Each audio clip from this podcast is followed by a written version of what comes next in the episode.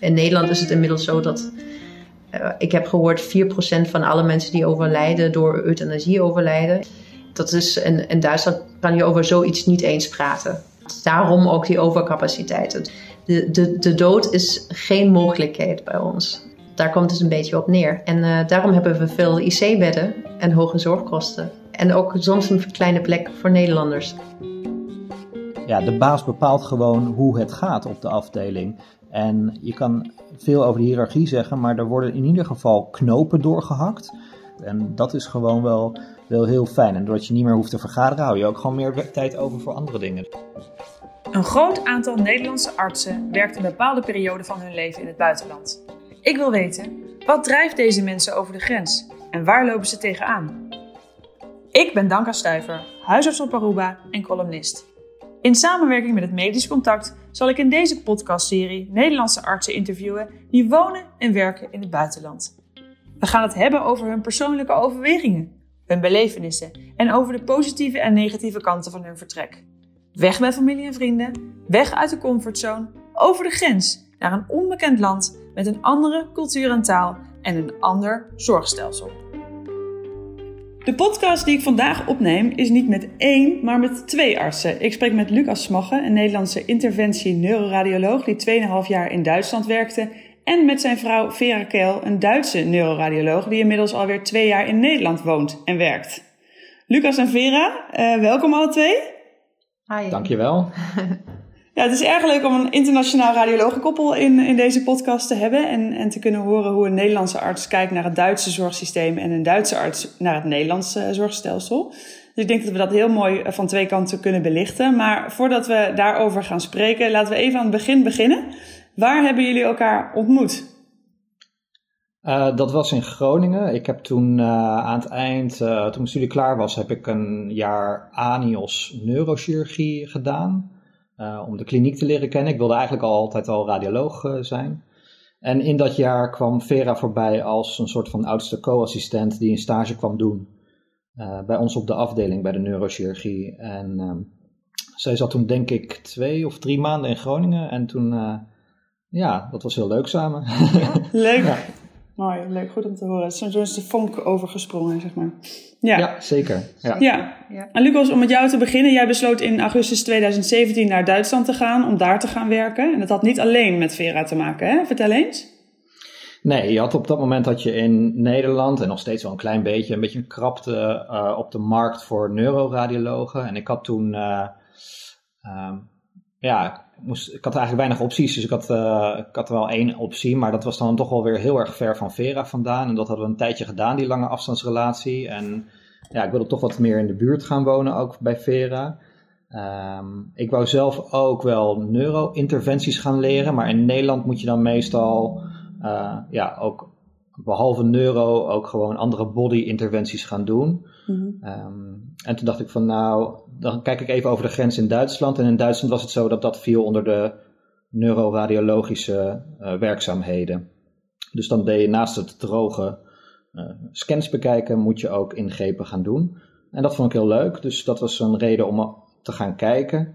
En toen heb ik in principe uh, op een advertentie gereageerd van de universiteitskliniek in Münster. En toen, ja, dat eigenlijk een heel leuk gesprek gehad. En toen dacht ik van, nou, dat gaan we gewoon doen. Ik zat toen nog wel, nog steeds 200 kilometer bij Vera vandaan, want die uh, uh, werkte op dat moment in Bonn. Uh, maar het was in, ieder, was in ieder geval een stuk dichterbij. Nou, is de procedure om erkend te worden als medisch specialist in Duitsland ja, is lastiger dan, dan wat je van tevoren zou denken. Zeker, ik heb nu met een aantal specialisten in Scandinavië gesproken en daar lijkt het in ieder geval een stuk makkelijker te gaan. Um, hoe komt dat? Ik denk dat het als eerste belangrijk is om te zeggen dat Duitsland wat dat betreft niet één land is. De deelstaten die hebben allemaal hun eigen ja, artsenkamer heet dat. En dat betekent dat ze allemaal hun eigen RGS hebben met allemaal hun eigen regelgeving als het gaat om ja, opleidingen en erkenningen van buitenlandse artsen bijvoorbeeld. Uh, dus dat is wel heel belangrijk om te weten. En ik denk dat het verhaal wat ik straks voorbij gaat komen, dat het misschien wel een beetje worst case scenario is. Want ik had wel echt veel moeilijkheden daarin. De verhalen die ik van andere deelstaten hoorde, is dat het toch wel wat makkelijker was dan wat ik had uh, meegemaakt. Dus het heeft me in totaal negen maanden heeft het geduurd voordat ik erkend neuroradioloog was. En dat had onder andere inderdaad met de taal te maken. Dus er was een vrij strenge taaltoets. wat ik eigenlijk wel goed vind trouwens, die was er, die ik in eerste instantie niet gehaald had. Ehm, ja, ze hebben gewoon heel precies gekeken naar, naar de aantallen die ik behaald had tijdens mijn opleiding. Uh, ja, het was op een gegeven moment een hele stapel aan documentatie. Alles moest vertaald ook worden uh, door een officiële vertaler in Duitsland. En de documenten mm. moesten niet ouder zijn dan drie maanden. Overal moest een stempel op zitten. Dus het ging heel ver. Een paars krokodil. Uh, ja, een beetje wel, ja, maar ja. ja. het was wel heel officieel allemaal. En, en ja, zo bijvoorbeeld Vera hoefde alleen maar, toen ze hier kwam, heeft ze alleen maar een, een kopie van haar pdf uh, van, van haar diploma op hoeven sturen naar de RGS. En die zei van nou begin maar. Ja, en Lucas, jij moest uh, Duits kunnen spreken op C1-niveau. Nou, voor de luisteraars is dat al wel echt een hogere, hoger niveau Duits dan, dan, dan wat de meeste mensen denk ik op, op de middelbare school leren. Um, en dit om aan de slag te kunnen gaan in de regio Westfalen-Lippen. Maar die C1-toets, die haalde je ook de eerste keer niet. Hè? Hoe kwam dat? Nou, ik moet dus wel zeggen dat mijn Duits eigenlijk niet goed genoeg was hoor. Eh, als ik terugkijk op die periode. Ik heb toen wel wat Duitslessen genomen extra. En, en tussendoor nog wat, uh, wat gestudeerd ook. Uh, maar als je het hebt over van ja, hoe goed is je Duits en kan je daarmee in een ziekenhuis werken en goed communiceren, dat was eigenlijk niet voldoende. Dus op basis daarvan zou ik in retrospect zeggen van dat is terecht dat ik gewoon ben afgekeurd uh, in eerste instantie. Aan de andere kant was die toets ook een beetje ja, apart. Het werd een schriftelijke toets, maar ook een stuk mondeling. Wat bijvoorbeeld wel apart was, was dat ik op een gegeven moment werd ik gevraagd over, door een internist, uh, van ja, hoe corrigeer je een hypoglycemie? En toen zei ik, ja, maar wacht eens even, ik ben, radioloog, ik heb geen idee. Ik heb dat al jaren, heb ik niet daarover na hoeven denken. Uh, en dat wou hij niet horen. Hij wou gewoon echt horen hoe ik een hypoglycemie zou corrigeren. Met welke dosering glucose ik aan moest hangen en zo. Nou, nogmaals gezegd van joh, ik ben radioloog, dat weet ik niet. Nee. Uh, maar ja, hij was daardoor niet uh, not amused, die examinator, die zelf ook internist was. Maar ja, goed, dat, dat, dat soort dingen kom je dan ook in dat rollenspel wel, wel tegen. Maar in dat half jaar, hè, dus dat eerste half jaar, ondanks dat je je toets niet, je taalvaardigheidstoets niet behaalt, word je toch aangenomen. Maar niet als radioloog, maar als, ik, ik weet niet, mijn Duits is niet zo goed, maar Wissenschaftslieger Mitarbeiter heet het. Kun je, kun je om te beginnen iets meer vertellen over de, de rangen en standen in het, in het Duitse systeem? Nou, zoals Brian ook al wel vertelde over Zwitserland, is het hier goed om, om te benoemen welke rangen en standen er zijn. Um, als AIOS ben je gewoon ja, assistent arts, dus daar zijn verder geen, geen rangen in. Maar ja, net als in Nederland bestaat er een soort natuurlijke hiërarchie. Dat de oudere jaars is dan, uh, is dan wel uh, wat hoger in de pikorde dan, dan een, een jongere jaars. Ja, als je dan specialist bent, dan mag je jezelf gewoon vacharts noemen. En dan ontstaat er een heel rangordesysteem als vacharts. Dus als je ja, echt een soort basis specialist bent, dan begin je eigenlijk gewoon met de vacharts. En dan daarna komt functionsoberarts dan ben je oberarts, dan kan je leidender oberarts zijn en dan chefarts en dat is dan de baas van de, van de kliniek. Dus er staan, bestaan allemaal namen om, om aan te duiden hoe hoog je in de, in de rangorde bent. En dat kennen we eigenlijk helemaal niet zo heel goed in Nederland. Uh, dan ben je gewoon ja, radioloog bijvoorbeeld. Hè? Dat, dat, daar houdt het een beetje op. Ja, dus dat is wel, wel apart. Uh, ja, die wissenschaftliche mitarbeiter, die functie die ik als eerste, in eerste instantie kreeg, dat is eigenlijk gewoon een wetenschapsfunctie. Maar goed, ik was helemaal niet bezig als wetenschapper. Ik was gewoon keihard aan het slag als neuroradioloog. En mijn, uh, de verslagen die ik aan, aan het maken was, die werden nog wel in het begin een beetje gecontroleerd door een oudere, oudere neuroradioloog. Maar verder was ik gewoon echt bezig als medisch specialist, als neuroradioloog, daar in, de, in dat ziekenhuis. Alleen vanwege die erkenning heb je dus wel een stuk minder verdiend in die tijd, kan ik me voorstellen. Zeker, dat salaris lag in het begin uh, als wetenschappelijke medarbeiter ongeveer op een derde van, van wat je normaal gesproken zou, zou verdienen als specialist. Toen ik na uh, dat half jaar slaagde voor mijn taaltoets, ja, toen was ik, was ik eigenlijk pas basisarts, dus was ik nog, nog steeds geen specialist toen als basisarts ben ik een soort van, ja, is mijn contract overgezet naar een soort van laatstejaars AIOS. Wat trouwens op zich wel belangrijk is voor ja, artsassistenten die misschien in Duitsland willen gaan werken. Uh, er is wel verschil tussen eerstejaars en zesdejaars. Dat verschil is veel groter uh, in wat je kan verdienen uh, dan wat we in Nederland kennen.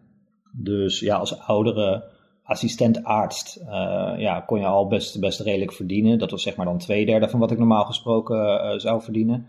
En toen, na dat half jaar, toen duurde het nog drie maanden voordat ik uiteindelijk dan ook nog als specialist erkend werd. En toen pas zat ik, uh, zat ik op, uh, op het niveau van wat ik uh, ja, normaal gesproken zat. Dus in totaal heeft het wel negen maanden geduurd, ja. Ja, precies. En wat verdient een, een radioloog in Duitsland nou als je het vergelijkt met een Nederlandse um, ja, radioloog? Dat ligt op, opvallend genoeg heel dicht bij elkaar. Maar ik moet daarbij wel zeggen dat er wat verschillen zijn dus ik heb het nu over een universitair centrum. Ik denk dat, dat wat je in een universitair centrum in, uh, in Duitsland kan verdienen, dat het ongeveer hetzelfde is als wat je in Nederland verdient. Dus die, die UMC die we hier hanteren, die, die zal ongeveer op hetzelfde uitkomen. Maar er zijn natuurlijk allemaal constructies die je kan bedenken, ook wel in Nederland, als je weet ik veel bij maatschappen gaat zitten of zo. Nou, Ik heb dat nooit gedaan, maar neem aan dat je dan wat, wat meer kan verdienen. Uh, en ook in Duitsland zijn er allemaal constructies te bedenken waardoor je ja, je inkomen echt nog uh, veel hoger kan, kan krijgen. En ik heb ook bijvoorbeeld ja, meegemaakt toen ik naar een kleiner ziekenhuis ging, dat we het ook straks nog over hebben. ja, dan moet je echt onderhandelen over je salaris ook. Dat, dat is ook heel, heel opvallend. Dat is in een universitair centrum was dat niet zo. Maar ja, je hebt in bepaalde omstandigheden heb je echt een veel meer een onderhandelpositie als, uh, als medisch specialist ten opzichte van je werkgever. Ja, het is een beetje vergelijkbaar met België, denk ik. Wat ik ook hoorde van de Belgische orthopeed. Ja, ja. ja. Um, nog even terug naar al die rangen en standen. Want je hoort vaak dat Nederlandse artsen ja, soms moeite hebben om in Duitsland te werken. Omdat ze opkijken tegen de, ja, toch al de hiërarchie in het Duitse systeem. Um, hoe heb jij die hiërarchie ervaren als Nederlandse arts? Ja, ik persoonlijk heb eigenlijk geen probleem met hiërarchie. Toen ik ook wat, uh, wat langer ook werkte in Duitsland uh, ja, is het wel heel fijn om te weten toch dat die rangorde er is. Als je het bijvoorbeeld hebt over hoe we in Nederland een beetje polderen met elkaar en al die vergaderingen hebben met elkaar, uh, ja, dan mag iedereen mag zijn zegje doen. En aan het eind van de vergadering dan ben je een uur, anderhalf uur bezig geweest en dan is er nog steeds niet echt iets besloten. Nou, dat, dat bestaat Het gepolder eigenlijk. Ja, het ja. gepolder. Ja, dat bestaat in Duitsland. Uh, heb, ik, heb ik in ieder geval niet, niet meegemaakt. Er zullen zeker wat vergaderingen zijn, maar ja, de baas bepaalt gewoon hoe het gaat op de afdeling. En je kan veel over de hiërarchie zeggen, maar er worden in ieder geval knopen doorgehakt. En ja, als dat misschien een foute beslissing is, dan kom je daar als afdeling of als baas vanzelf wel achter dat het een, een slechte beslissing is geweest. Maar er worden gewoon heel snel knopen doorgehakt. En dat is gewoon wel wel heel fijn. En doordat je niet meer hoeft te vergaderen, hou je ook gewoon meer tijd over voor andere dingen. Dus ja, ik vond dat in principe geen probleem, maar het moet een beetje in je persoonlijkheid liggen om, om daarmee om te kunnen gaan. Ja, en Vera, hoe, hoe, heb jij, hoe ervaar jij het dan nu in Nederland, in, het, ja, in, de, in de platte hiërarchie, uh, of in ieder geval een stukken platte hiërarchie dan in Duitsland? Ja, voor mij was dat extreem wennen aan uh, hoe überhaupt beslissingen genomen worden en hoe een beslissing ontstaat. En uh, vaak zijn pro processen duidelijk langzamer dan in Duitsland. Dat vond ik eerst heel erg uh, frustrerend. Ik was eigenlijk gewoon heel erg gewend om heel strakke lijnen te werken. En um, dat beslissingen heel snel worden genomen. En als, ja, als je het niet goed vindt, kan je gaan. Dan kan je een andere werkplek zoeken. Maar um, inmiddels zie ik ook de voordelen van het systeem in Nederland. Omdat je waarschijnlijk gemiddeld ja, met, met, het Nederlandse poldermodel de eh, werknemers tevredener houdt. En zeker ook um, ja, er een, grotere aandacht is voor ja, iedereen mee te nemen in de beslissing. Ja. Um, maar dat was zeker een heel sterk uh, wenproces. Absoluut. Ja, dus, ja. ja, dus wat jullie zeggen is eigenlijk de overlegcultuur die in Nederland, uh, die in Nederland uh, ja, heerst. Dat die natuurlijk voordelen heeft, um, maar ook nadelen in, in termen van polderen ja. en ja, het, het doorhakken van knopen. Um, en uiteindelijk kiezen welke kant we op gaan in plaats van het getwijfel en het ja. uitstellen. Wat ik, wat, wat ik ook gemerkt heb is dat er uh, een veel hogere turnover bestaat van specialisten. Ik bedoel daarmee dat ja, de Duitser, denk ik, maar misschien moet Vera me ook maar corrigeren, maar geen baan is heilig, zeg maar. In Nederland ja, zijn we heel erg geneigd van oké, ik heb een vaste baan, ik ga ervoor, ik blijf echt meerdere jaren op deze plek en dan ga ik er het beste van maken. En in Duitsland is het zoiets van ja, oké, daar gaan we het straks ook over hebben. Dat, ja, je, je kan als arts, ze hebben ook een artsentekort daar, dus je kan veel makkelijker kan je wisselen van baan als het je toch gewoon niet bevalt of zo. Dus ik mhm. heb wel heel erg gemerkt dat er heel snel mensen ja, soms maar een half jaar ergens zijn. Ik heb bijvoorbeeld ook meegemaakt in dat kleinere ziekenhuis dat iemand maar een half jaar gewoon afdelingshoofd is en dan denkt van nou, bevalt me toch niet, ik ga gewoon weer weg. Ja, dat is in Nederland ondenkbaar. Eh, ja. maar dat soort dingen gebeuren gewoon in Duitsland, ja. Ik wil nog even uitzoomen en het hebben over het zorgstelsel in Duitsland. En dat is anders ingericht dan in Nederland. Dus Vera, misschien kun jij ons eh, de belangrijkste verschillen vertellen. Uh, jazeker. Dus um, nou, ik kan beginnen bij patiënt eigenlijk. Eh, je moet weten, iedereen in Duitsland is verplicht verzekerd, zoals in Nederland. Maar er zijn twee verschillende vormen van verzekering. En 90% van de bevolking zijn in uh, de zogenoemde wettelijke um, zorgverzekering verzekerd. Uh, die eigenlijk alles covert. er zijn ja, heel, heel veel verschillende vormen van, maar dus zoals in Nederland, feitelijk betalen ze allemaal hetzelfde. Uh, maar 10% van de bevolking, en dat zijn die mensen met een hoog salaris, maar ook bijvoorbeeld alle ambtenaren, die zijn in een zogenoemde privéverzekering of privaatverzekering. En dat is heel belangrijk, omdat de artsen in Duitsland uh, bij die privéverzekeringen meer geld mogen afrekenen. En dus is het populair om die privépatiënten te hebben in plaats van die standaardpatiënten.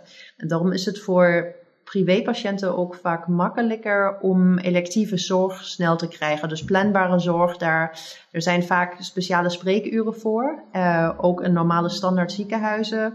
Gewoon voor privépatiënten, omdat er echt een, ja, monetaire reden is om ja, zoveel mogelijk die privépatiënten in, in jouw uh, ziekenhuis te hebben of in jouw afdeling te hebben. Omdat deze patiënten vaak heel veel voor de financiering of bij de financiering bijdragen daar zijn we dan ook een beetje bij hoe, die, uh, hoe, hoe zorgstelsel uit artsenperspectief in elkaar zit. Het is met name zo, natuurlijk eh, hebben we ziekenhuiszorg, universitair en niet-universitair en ook heel kleine klinieken, eh, heel, heel kleine ziekenhuizen, veel kleiner dan Nederland. Um, maar 50% van onze zorg is uh, niet in een ziekenhuis, maar in praktijken. En um, er is vaak een uh, misverstand dat die alleen voor die privépatiënten zijn. Dat is niet zo. Die zijn in normaaliter voor iedereen. Uh, dus ook voor die 90% van de normale bevolking. En we hebben geen polyklinieken of nauwelijks polyklinieken in Duitsland. Uh, die vaak in Nederland bij ziekenhuizen uh, ja, daarbij zijn. Dus als je ja, voor, een, voor een polyklinische afspraak komt, dan ga je vaak naar een praktijk in Duitsland. En die praktijken die worden gerund door de eigenaar van de praktijk. En dat is met name een particulier arts of soms ook een, een koppel van artsen of uh, kleine groepjes. En die zijn feitelijke eigenaren van zo'n praktijk ja, in die praktijken is de zorg soms heel goed en soms minder. Dat wordt vrij weinig gecontroleerd. Er zijn wel verplichte CME-punten die zo'n uh, praktijkarts moet halen, maar verder zijn er vrij weinig controles. En uh, ja, elk van die artsen zo, kan zo'n beetje zijn eigen ding doen. Uh, die praktijken zijn ook niet aangesloten aan een ziekenhuis vaak. Dat bestaat soms wel, maar vaak ook niet. En de laatste tien jaar zijn er zogenaamde MVZ's nog daarbij gekomen. Dat zijn eh, medische verzorgingscentra, zo genoemd. En uh, ja, dat zijn kleinere clusters van verschillende specialiteiten, waar artsen of in dienstverband werken, uh, polyklinisch, of ja, als op eigen rekening. En uh, dat is zo'n beetje het laatste uh, wat, wat erbij is gekomen. Dus, maar traditioneel hebben we heel veel eh, specialistische zorg in uh, ja, compleet uh, individu individuele praktijken. En ja, deze praktijken die zijn niet bij een ziekenhuis horend. Nee, en als ze daar dan. Hebben zeker ook een winstoogmerk. Ja, ja, en maar als daar dan een orthopeed of een chirurg werkt, hoe, waar doet hij dan zijn operaties? Voor kleine ingrepen is er een OK bij in die praktijk. Ondanks mhm. dat het in een woning is, in een woonhuis. Dat oh. kan. Uh, Zo'n zo beetje al, zoals bij een fysiotherapiepraktijk in Nederland. Um, of er wordt uh, voor ingrepen, zijn er ook OK-centra waar OK's gehuurd kunnen worden voor enkele uren of dagen. Met anesthesie en verpleegkundige en uh, wakkerwoordkamertje. Um, dat werkt ongeveer zo, ja. Maar ja, voor alles wat grotere ingrepen zijn, waar een patiënt ook een nachtje moet blijven, uh, dat is dan weer ziekenhuiszorg.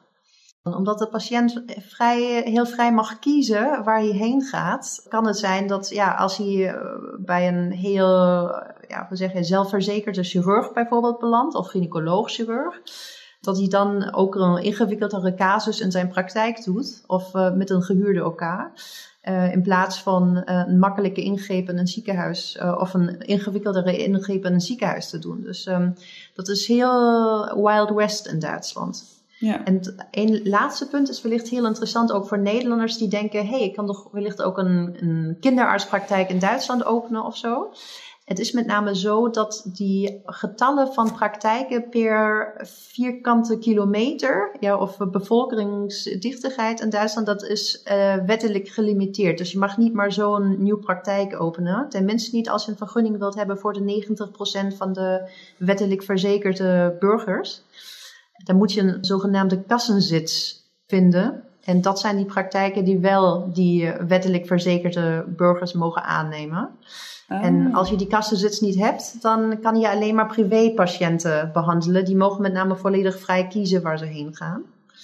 En um, ja, dus er is een groot verschil. Uh, maar er zijn natuurlijk ook mensen die zeggen: ik wil alleen privépatiënten behandelen, omdat uh, ik puur voor winstoogmerk mijn, mijn praktijk open. Dat kan ook. Ja, ja. En, en die 90% die zijn, die zijn eigenlijk, hè, die hebben een basisverzekering of een wettelijk bepaalde verzekering. Ja. Hoe wordt die, moet je daar premie, zorgpremie voor betalen of gaat dat via de inkomstenbelasting? Dat gaat, um, ja, dat is een, soort van via de inkomstenbelasting. Het wordt anders genoemd in Duitsland, maar feitelijk is het zo. En eh, het werkt zo dat meestal het hele gezin uh, door één werknemer verzekerd is. Dus als je bijvoorbeeld een weet ik veel, een, familievader bent met drie kinderen, dan zijn jouw drie kinderen via jou verzekerd. En, uh, en jouw vrouw ook. En uh, tenminste als je getrouwd bent. En dus er is niet iedereen verzekerd als enkel, maar, maar he, gehele gezinnen zijn verzekerd. En als je helemaal geen inkomen hebt, dan wordt dat automatisch betaald door de overheid. Ja, okay, zo werkt dus, het een beetje. Zodat iedereen uiteindelijk verzekerd is. Ja, maar het is, het is gedeeltelijk inkomensafhankelijk ja, Duitsland wordt vaak op het schild gehezen. In Duitsland uh, zou wel IC-zorg beschikbaar zijn, is de ouderenzorg beter georganiseerd. Uh, de schaarste problemen die we in Nederland kennen, die, die zijn in ieder geval een stuk minder aanwezig dan uh, in Duitsland voor patiëntenzorg. Dus dat is het, het beeld wat vaak wordt geschetst in de Nederlandse media. Maar is dat ook zo? Dus het is inderdaad zo dat we in Duitsland een overcapaciteit eh, hebben, eigenlijk van alles. Dus dat is uh, voor geneesmiddelen, dat is uh, voor zorg, ja, feitelijk voor alles. En ouderenzorg, die is denk ik niet anders dan in Nederland, maar voor alle andere zorginstellingen, et cetera, geldt wel dat we bewust kiezen voor overcapaciteit en ook ja, te veel resources eigenlijk. Dat wordt heel erg gewenst door de bevolking. Duitsers zijn heel angstige mensen gemiddeld, uh, vergeleken met Nederlanders zeker. En uh, het, het, feit dat er twee dagen geen medicijnen beschikbaar zijn voor in een bepaald dorp, dat, dat maakt mensen extreem nerveus. En ook ja, de mogelijkheid, bijvoorbeeld ja, tijdens de COVID-pandemie hadden we het heel vaak over triage. En um, die gedachte van triage, dat, dat de artsen kiezen eh, welke patiënten behandeld worden en welke niet, uh, op basis van uh, wie de beste kansen heeft, dat is voor Duitsers niet te begrijpen. Dus is, is het zo dat in Duitsland bewust door, door de ja, politiek ervoor gekozen wordt heel, heel veel zorg overbodig eigenlijk voor bepaalde stresssituaties een, een beetje op reserve te houden. Wat mhm. wel zo is in Duitsland, we hebben een heel sterke krapte aan, uh, aan personeel. Dat is niet overal zo. Dus in, in München, in de binnenstad, heb je zeker genoeg dermatologen. Maar vooral op het platteland heb je niet genoeg artsen. En je hebt eigenlijk overal niet genoeg verpleegkundigen. We hadden het over dat Nederlandse patiënten met COVID naar Duitse ziekenhuizen eh, uitgevlogen werden uit Nederland. En dat zijn zeker die ziekenhuizen geweest in Duitsland waar juist geen personeelskrapte was. Dus is ook heel ongelijk verdeeld in Duitsland. En uh, dus ja, natuurlijk zijn er ziekenhuizen die genoeg personeel hebben en genoeg bedden. En daarom die patiënten uit Nederland konden opnemen. Maar er waren zeker ook genoeg uh, ziekenhuizen in Duitsland waar, waar mensen al maanden geen vakantie meer hadden, omdat die weinig verpleegkundigen en artsen uh, permanent bezig waren met de zorg. Mhm. Dus ehm, ja, het is, het is niet alles uh, zo perfect in Duitsland, maar er wordt dus wel heel veel aandacht voor nog heel erg reserves te houden. Kan je dat ook, uh, want je zei wel, ja, Duitsers zijn, zijn, misschien wat angstiger of ze willen graag dat, er, dat, dat het voorhanden is, maar hoe kun je dat, dat verschil, kun je dat verklaren in, tussen Nederland en Duitsland? Ja, ik, ik denk dat Duitsers, uh, en, en, ik moet zeggen, in, in Nederland is er meer aandacht voor kwaliteit van leven. En in mhm. Duitsland is het meer zo, eh, voor Duitsers stelt alleen maar het leven. Dus um, die kwaliteit die, die komt pas daarna. Het is in ieder geval zo dat Duitsers heel, heel nerveus zijn dat ze theoretisch zouden kunnen overlijden. Wat natuurlijk een, een mensheidsrisico is. Als je leeft, overlijd je. Maar dat is voor Duitsers een heel moeilijke gedachte. En voor onze zorg is het ook zo. Ik heb, eh, toen ik getraind werd, ik werd eerst in de neurochirurgie getraind.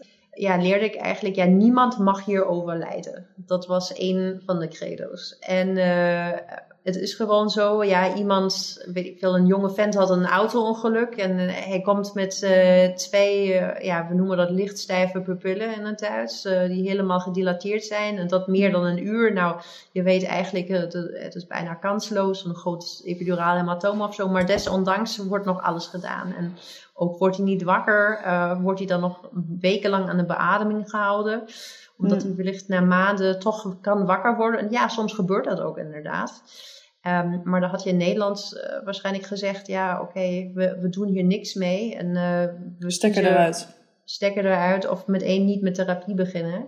Mm -hmm. En uh, ja, dat heeft zeker ook historische redenen natuurlijk. Daar, dat zijn zeker nog ja, um, gedachten die, die als reflectie op het, op het Derde Rijk nog komen, waar een kwart miljoen van de Duitse inwoners vermoord werd, juist door artsen omdat ze ziek waren.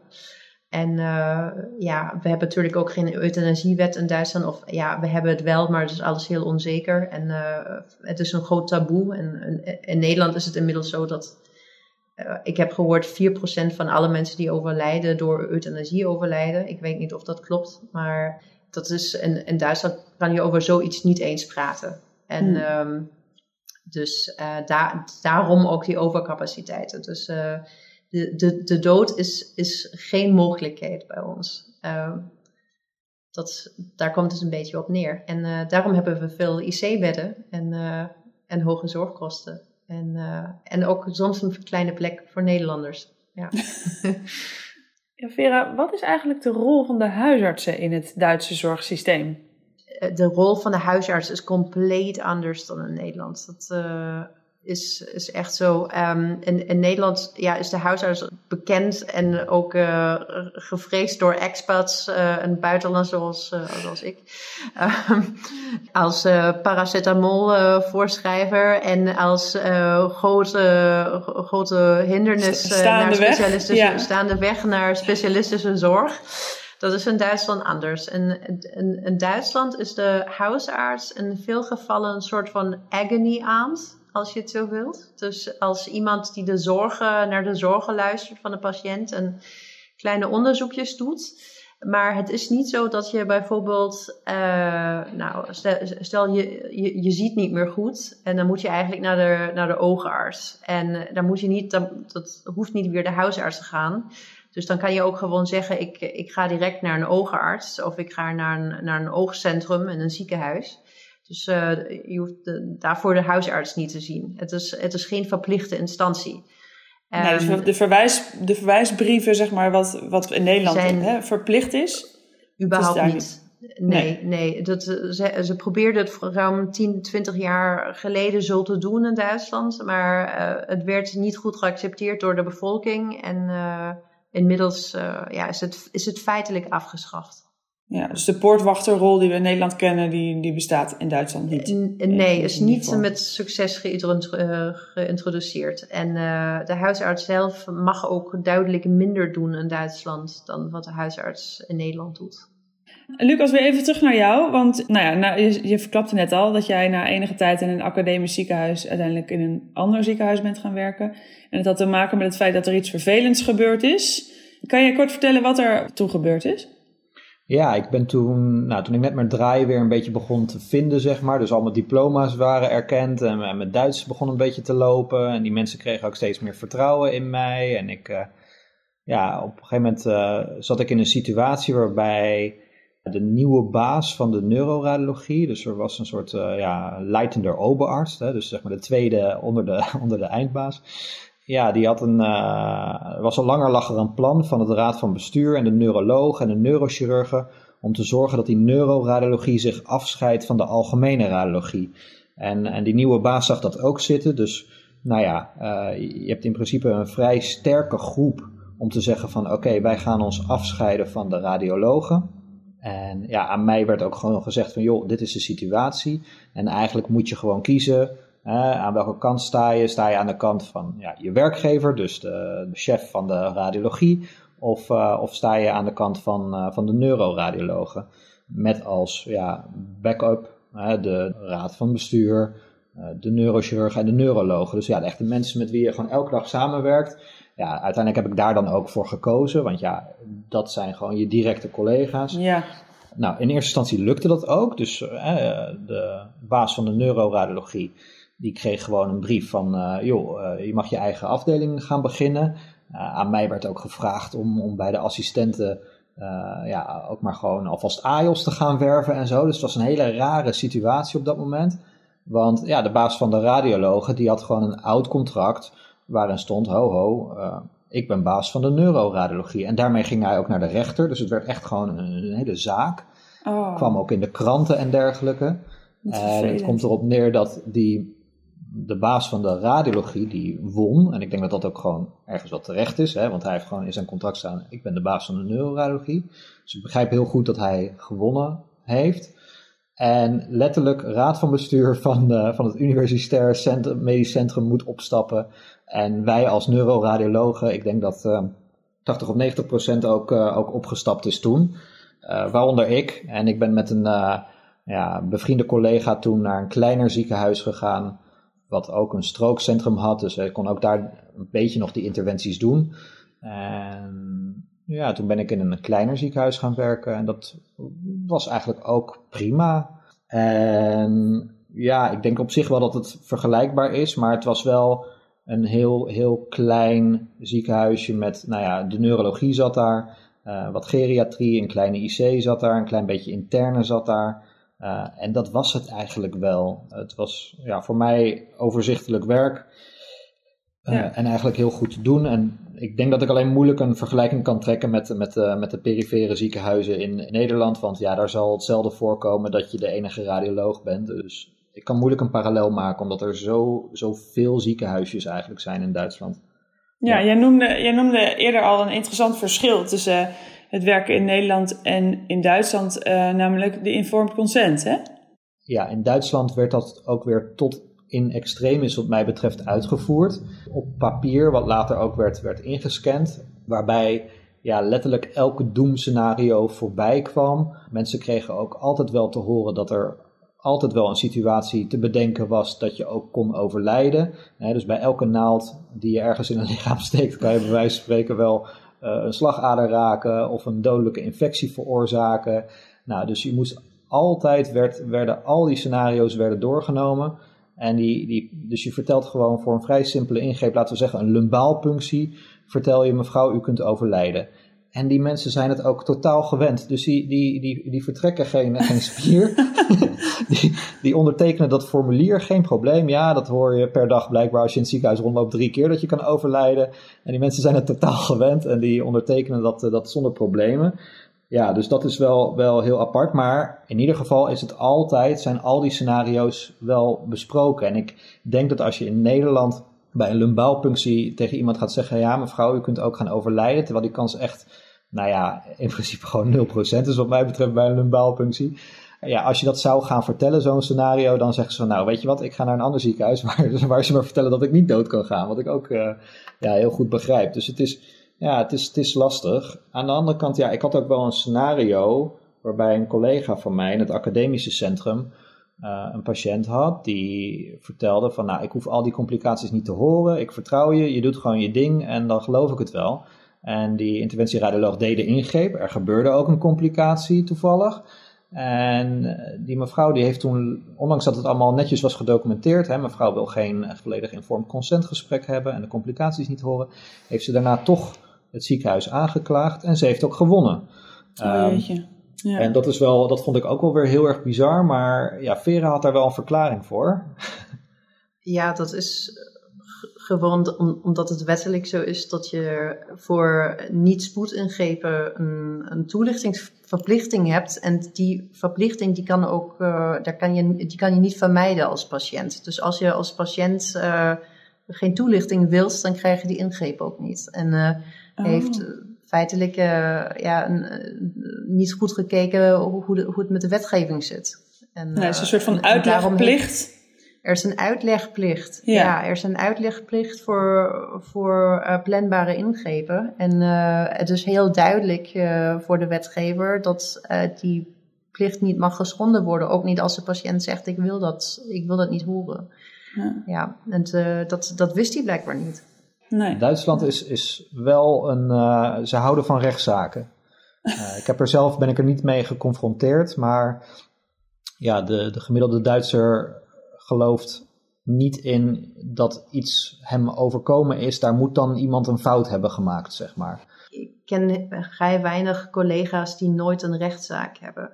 En uh, dat, dat is bij ons een beetje standaard. En dat is niet zo omdat we alle zo verschrikkelijk slecht opgeleid zijn. Maar dat is inderdaad zo omdat heel veel mensen hebben een rechtsbijstandsverzekering. En inderdaad moet altijd een schuldige gevonden worden. En vaak is het, is het zo dat, dat die mensen, die, die patiënten die eigenlijk absoluut geen reden hebben voor een rechtszaak, waar, omdat alles perfect is gegaan of tenminste geen schuld is, mhm. uh, dat, dat die wel klagen. En uh, die, die mensen waar je eigenlijk kunt zeggen, ja, eigenlijk had ik het beter kunnen moeten doen, dat zijn die mensen die niet klagen. Dat is een heel raar verhaal, maar we zijn wel gewend aan, aan rechtszaken, ja. Nou, um Vera, even bij jou te blijven. Wat ik ook interessant vind, is dat het een zwangerschapsverlof in Duitsland heel anders verloopt. Dus voor de, voor de vrouwelijke AJOS of artsen ja, is het werken als zwangere uh, ja, een heel gedoe. Hè? Dat, is, dat is niet zo als in Nederland zo heel goed georganiseerd en geregeld. Nou, het is, het is eigenlijk uh, perfect geregeld. En die regel uh, is met name dat je niks meer doet. Dus, oh. dus je moet, als je, als je zwanger bent, uh, ben je eigenlijk verplicht het zo snel mogelijk te vertellen aan jouw werkgever. En die werkgever is dan aan de andere kant weer verplicht om door de ja, beroeps, uh, beroepsarts of uh, veiligheidsarts een, een, een, soort van inspectie te laten doen op de afdeling en op jouw werkplek om te kijken of je er nog veilig kunt werken. En dan komt, dan, dat is echt bij elke zwangerschap opnieuw zo. Hè? En dan uh, komt dan uh, een soort van resultaat. En dan wordt, worden de werktijden aangepast. En ook het werkmilieu voor de zwangere. En je mag bijvoorbeeld op nooit meer na acht uur in de avond werken. Echt, ook ben je zes weken zwanger, als je het hebt verteld. Na acht uur moet je naar huis gaan. Weekenden mag je ja, vrijwillig werken, maar wordt ook vaak niet gezien. Met bloed uh, mag niet, uh, OK mag niet. Um, straling mag raar genoeg wel eigenlijk. Tot 1 millisievert uh, door de gehele zwangerschap mag je opbouwen als radioloog. Um, maar ja, vaak is het zo dat de werkgever van zijn eigen um, ja, recht gebruik maakt en, en, en je soort van naar een onvrijwillige vakantie stuurt. En dan moet je echt, eh, dat moet je echt weten. Dus uh, nog eventjes diensten draaien totdat je zes maanden zwanger bent of zo, dat is in Duitsland niet. En uh, daar zijn ze ook heel strikt. zeker ook met COVID. Mijn collega's uit Duitsland tijdens COVID, zodra ze zwanger waren, die um, ja, mochten niet eens meer naar het ziekenhuis gaan. Nee, met behoud van salaris. Ja, salaris wordt vol doorbetaald. Dat is inderdaad zo. Ja, um, daar, eh, maar ja, de Duitsers zijn heel bang dat er iets met de fetus gebeurt. Uh, of dat je miskraam krijgt. En uh, ja, dat het weer een rechtszaak wordt. Jeetje joh. Dus uh, als je als Nederlander ja, denkt naar Duitsland te gaan om als arts te werken, als vrouwelijke Nederlander, moet je echt daarmee rekening houden dat er ook weinig opvangplekken zijn. Het scheelt natuurlijk waar je bent. In Oost-Duitsland is het beter. Maar in West-Duitsland, zeker in de, in de Roer-Rijn-regio, daar kan je jaren wachten totdat je een opvangplek krijgt. En ik heb ook collega's die, ja, die moesten jaren wachten totdat ze weer terug konden. Wat nog niet helemaal benadrukt is, is dat, dat als iemand, uh, ja, een vrouw die het gewoon goed voor elkaar heeft en zeker die een man heeft met een hoog salaris, daarvan wordt wel verwacht dat nou, zodra je met kinderen gaat beginnen en je hebt je eerste kind, dan wordt een beetje verwacht dat je huismoeder gaat zijn. Um, dus ja, we hebben bijvoorbeeld een goede, goede vriendin van Vera, die was gewoon op weg om rechter te worden, heel getalenteerd. Had ook een man die in het juridische vak zat, hoog inkomen. Uh, ja, en die is echt gewoon met, met kinderen bezig gaan zijn. En heeft nu drie schatten van kinderen, daar gaat het niet om. Maar die, ja, haar carrière is zeg maar gewoon voorbij. Die heeft gewoon gekozen, ik ga voor huismoeder kiezen. Dat zie je toch vrij vaak als de man gewoon een goede baan heeft. De vrouw wordt dan gewoon ja, huismoeder. Uh, en om daar een beetje op aan te sluiten, als, uh, als verhaal, wij hebben ook een kind en na een half jaar, toen hij een half jaar oud was, zijn we verhuisd. Uh, en toen ging Vera weer aan de slag na dat half jaar. In Nederland? In Nederland. En als ze dat verhaal zou vertellen in, aan haar Duitse vriendinnen, dan was het, hè, wat, wat is dit? Wat, wat ben je voor een moeder? Uh, je gaat er niet na een half jaar weer aan de slag. En in Nederland, als ze dat, ja, en als ze het hier in Nederland ging vertellen, dat verhaal aan haar nieuwe collega's, dan ze, kreeg ze door wat? Pas na zes maanden weer aan de slag. Waarom niet na drie maanden? dus dat eigenlijk, eigenlijk kon je het van beide kanten niet, uh, niet goed doen. Maar dat is wel het verschil tussen, tussen Duitsland en Nederland.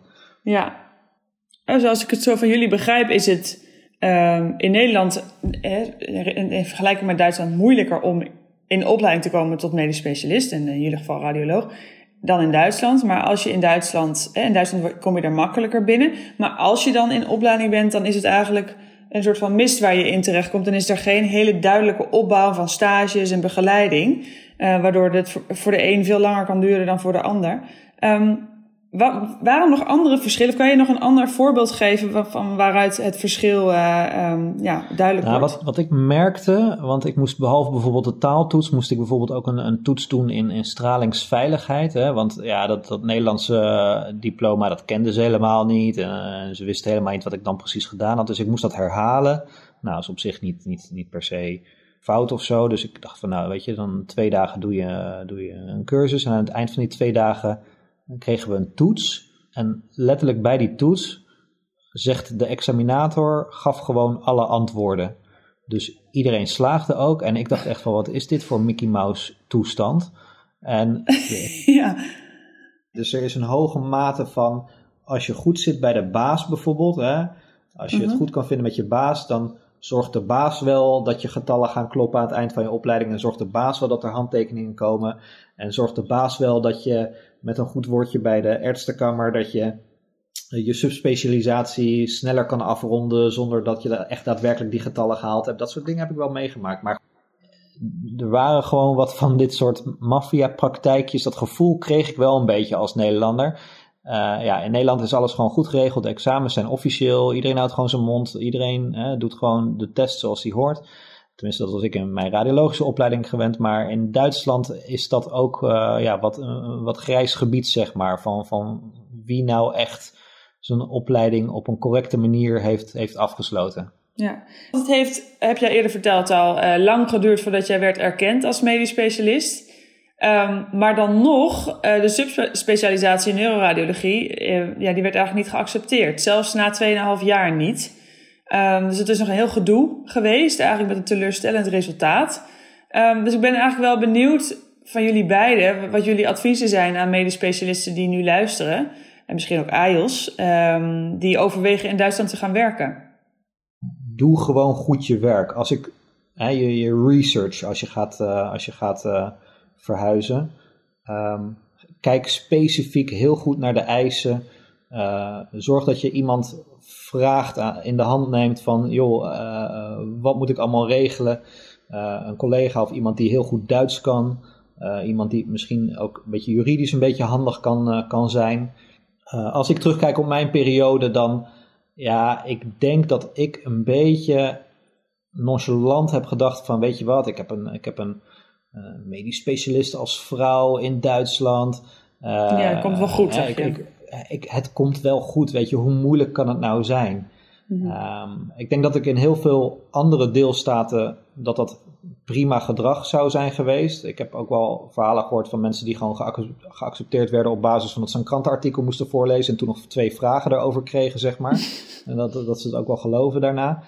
Uh, maar ik zat echt in de soort van worst case scenario, juridisch, juridische hoofdstad van, uh, van Duitsland, waar ze gewoon heel, heel moeilijk doen. Maar doe gewoon je research goed en zoek het gewoon allemaal heel goed uit. Dat is denk ik in het algemeen uh, mijn, mijn advies. En Vera, heb jij daar nog tips in? Ik moet zeggen, op, op iOS-level uh, moet ik zeggen, denk er twee keer goed over na of je als iOS naar Duitsland wil gaan. Het is met name zo dat die iOS-opleiding veel gestructureerder is in Nederland. Het is heel moeilijk om een opleiding te komen in Nederland. Uh, voor, voor sommige specialisaties zeker. Uh, maar in Duitsland is er feitelijk geen opleidingsstructuur. Jouw baas kan, als hij dat wil, ja, eindeloos je opleiding verlengen, zonder daarvoor een reden moet, te moeten aangeven. Um, dus dat moet echt goed worden overwogen. Um, je hebt ook geen mogelijkheid om bezwaar in te dienen ergens bij een instantie als je niet blij bent met je opleiding. Um, dat eventjes hierbij. Bij, voor specialisten is dat een heel ander ding. Daar is inderdaad, zoals Lucas zegt, doe je research goed. Waar ga je heen? Ga je in loondienst werken? Uh, of uh, ben, je, ben je zelfstandig? Als je zelfstandig bent in een eigen, eigen praktijk, dan heb je zeker ook economische kennis nodig. Omdat je echt uh, economisch ook aansprakelijk bent. Je kunt failliet gaan. En um, denk daar echt goed over na. Wat, en ja, spreek met andere Duitsers, um, maar zeker vooral ook met andere migrantische artsen. Dus in, in landelijke plaatsen zijn, is vaak de meerderheid van de artsen niet Duits qua origine. Mm -hmm. En uh, die hebben zeker heel goede tips. En je moet ook weten dat je als, als Nederlander ben je EU-arts. en volgens het is niet eens een erkenningsproces van je, van je diploma's. Het is alleen een omschrijvingsproces. Dus jou, voor jou gelden dan andere regels dan voor, voor een arts die bijvoorbeeld uit Oekraïne of, of Turkije of China komt om te werken. Hm. Dus het is, dat is een heel ingewikkeld proces en ik zou zeker één jaar van tevoren met de voorbereidingen beginnen. Lucas, er was ook een probleem met, het, met de pensioenopbouw bij jou, begreep ik hè? zeker, er is ook weer hier per deelstaat of per subdeelstaat geregeld een zogenaamde Ärzteversorgung. Nou, dat, dat wist ik niet. Juist omdat ik eerst die functie had als wissenschaftlicher mitarbeiter. Ja, dan, dan betaal je in eerste instantie betaal je, ja, geld in het algemene pensioenfonds, de Deutsche Renteversicherung. Dus ik had daar eigenlijk geen ogen naar dat er speciaal voor artsen een, uh, een Ärzteversorgung bestaat als, uh, als pensioenfonds. en dat leidde ertoe dat op het moment dat ik arts was, dat ik dat over het hoofd gezien had. En dat ik mijn geld blijkbaar bleef doorbetalen in de algemene Duits Deutsche Renteversicherung. Nou, daar kwamen ze na een half jaar of een jaar kwamen ze erachter. En toen kreeg ik een telefoontje met, uh, ja, je hebt geen pensioen aan ons uh, betaald, dus we krijgen nog, uh, nou, zoveel duizenden euro's krijgen, krijgen we van jou. En toen had oh, ik zoiets van, oké, okay, dat is even lastig. dus ik belde de Deutsche Renteversicherung met, kan ik mijn geld terugkrijgen? Want ik heb het niet, niet aan jullie correct overgemaakt, maar dat had bij de artsenverzorging moeten zijn. En toen zeiden zij, nee. En ja, tot op de dag van vandaag zijn we bezig om, uh, om de, dat geld nog terug te krijgen van de Deutsche Renteversicherung. Dus ja, als tip voor artsen in Duitsland, let op, je pensioenopbouw gaat via een apart, speciaal voor artsen bedoeld pensioenfonds, wat trouwens best goed uitbetaalt, volgens mij. Dus dat is wel, je pensioenopbouw in Duitsland is volgens mij net wel een tandje beter dan in Nederland. En dit kan je ook gewoon meenemen naar ik Nederland? Ik gewoon mijn, uh, mijn pensioen, ja. uh, het, het, kleine pensioen wat ik in, uh, in, in 2,5 jaar heb opgebouwd, is voor 2,5 jaar best redelijk. En, en dat krijg ik gewoon uitbetaald inderdaad, ja. Nou, goede tip. Vera en Lucas, allebei hartelijk dank voor jullie verhaal. Ik denk dat het heel informatief en ja, ook een indrukwekkend verhaal is geweest. Daarvoor groot, grote dank. Ja. ja, graag gedaan Danka. En dank je ook uh, aan uh, Medisch Contact natuurlijk voor de mogelijkheid. Ja, absoluut. Ik hoop dat het informatief was.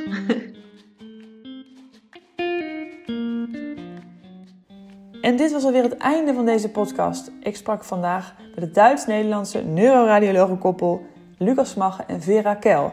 De volgende keer gaan we naar Noorwegen.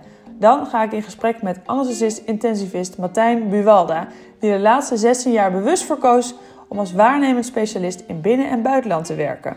Het afgelopen jaar was hij veelal in Noorwegen te vinden en over die ervaringen gaan we het de volgende keer hebben. Heb je naar aanleiding van deze podcast vragen, tips of zou je zelf graag een keertje mee willen doen? Mail dan naar redactie.medischcontact.nl. Graag weer tot de volgende keer.